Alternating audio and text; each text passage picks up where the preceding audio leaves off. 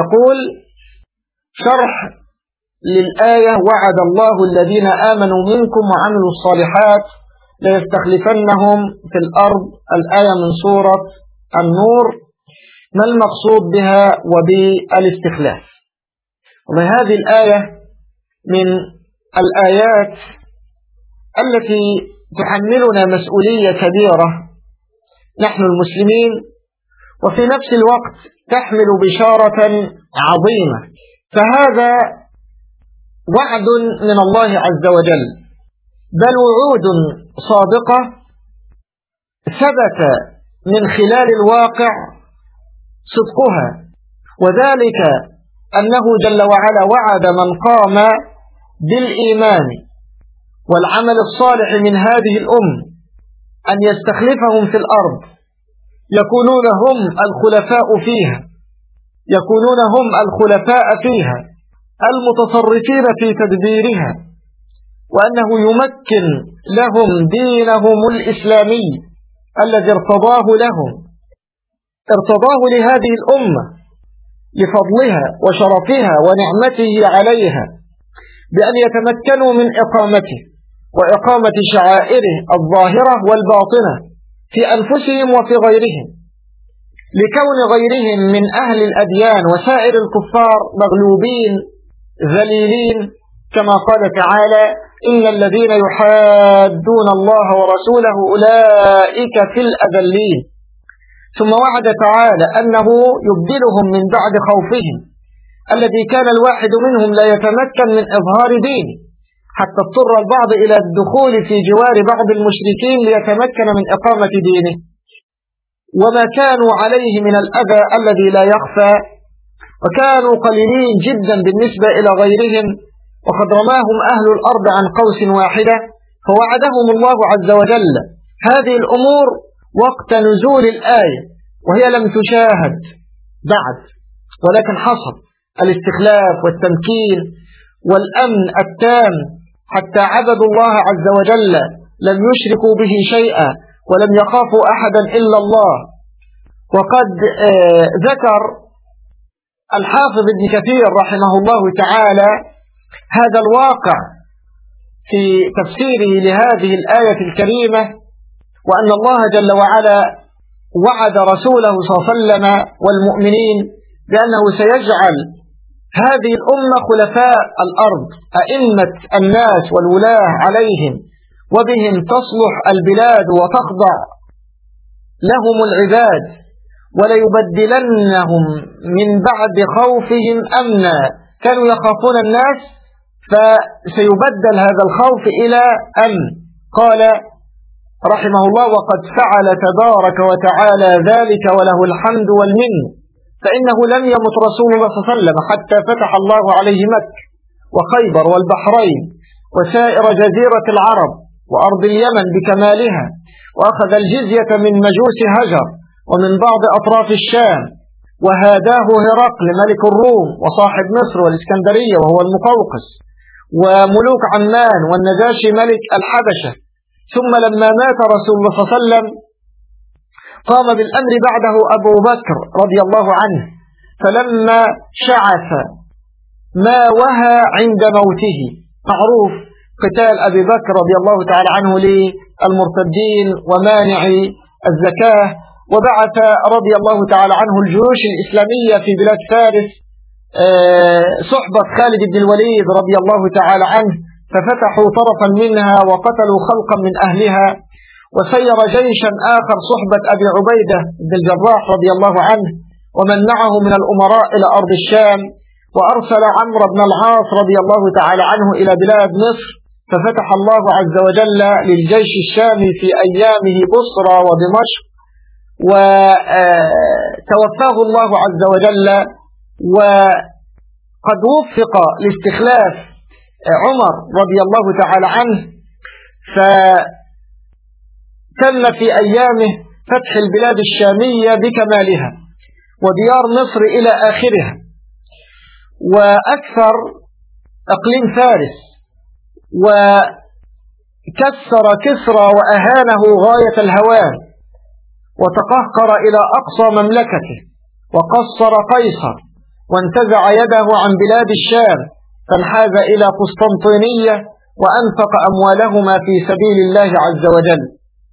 ثم لما كان عثمان رضي الله تعالى عنه امتدت المماليك الإسلامية إلى أقصى مشارق الأرض ومغاربها ففتحت بلاد المغرب إلى أقصى ما هنالك الأندلس وقبرص وبلاد القيروان وبلاد سبتة مما يلي البحر المحيط ومن ناحية المشرق إلى أقصى بلاد الصين وقتل قسرى وباد ملكه بالكلية وفتحت مدائن العراق وخراسان والأهواز وقتل المسلمون من الترك مقتلة عظيمة جدا. وخذل الله ملكهم الأعظم خاقان. وجبي الخراج من المشارق والمغارب إلى أمير المؤمنين عثمان رضي الله تعالى عنه ببركة تلاوته ودراسته وجمعه الأمة على حفظ كتاب الله عز وجل.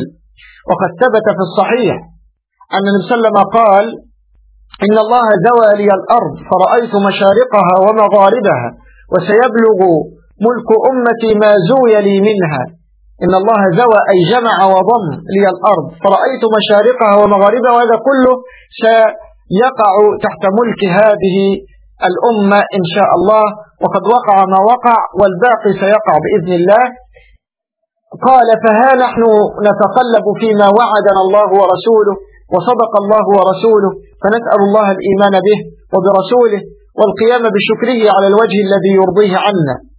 ولا يتصور أن ما حصل حصل ولن يكون هناك آه، أمان وتمكين بعد ضياع الخلافة الإسلامية وأبدا.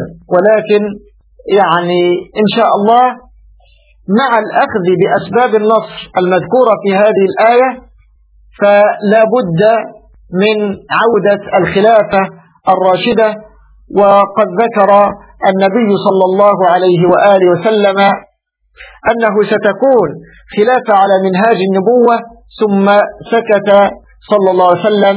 فنرجو الله تبارك وتعالى أن يعجل بذلك.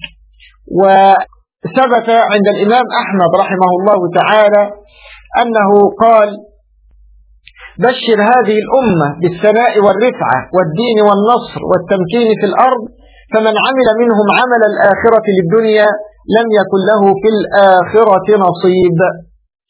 وقوله تعالى يعبدونني لا يشركون بي شيئا هذا ثمرة الإيمان والعمل الصالح والتأمين وإزالة أسباب الخوف وهو أيضا آه، وسيلة لتحقيق هذه الوعود. فقد ثبت أن النبي صلى الله عليه وسلم قال لمعاذ بن جبل رضي الله تعالى عنه أتدري ما حق الله على العباد وما حق العباد على الله؟ قال الله ورسوله أعلم.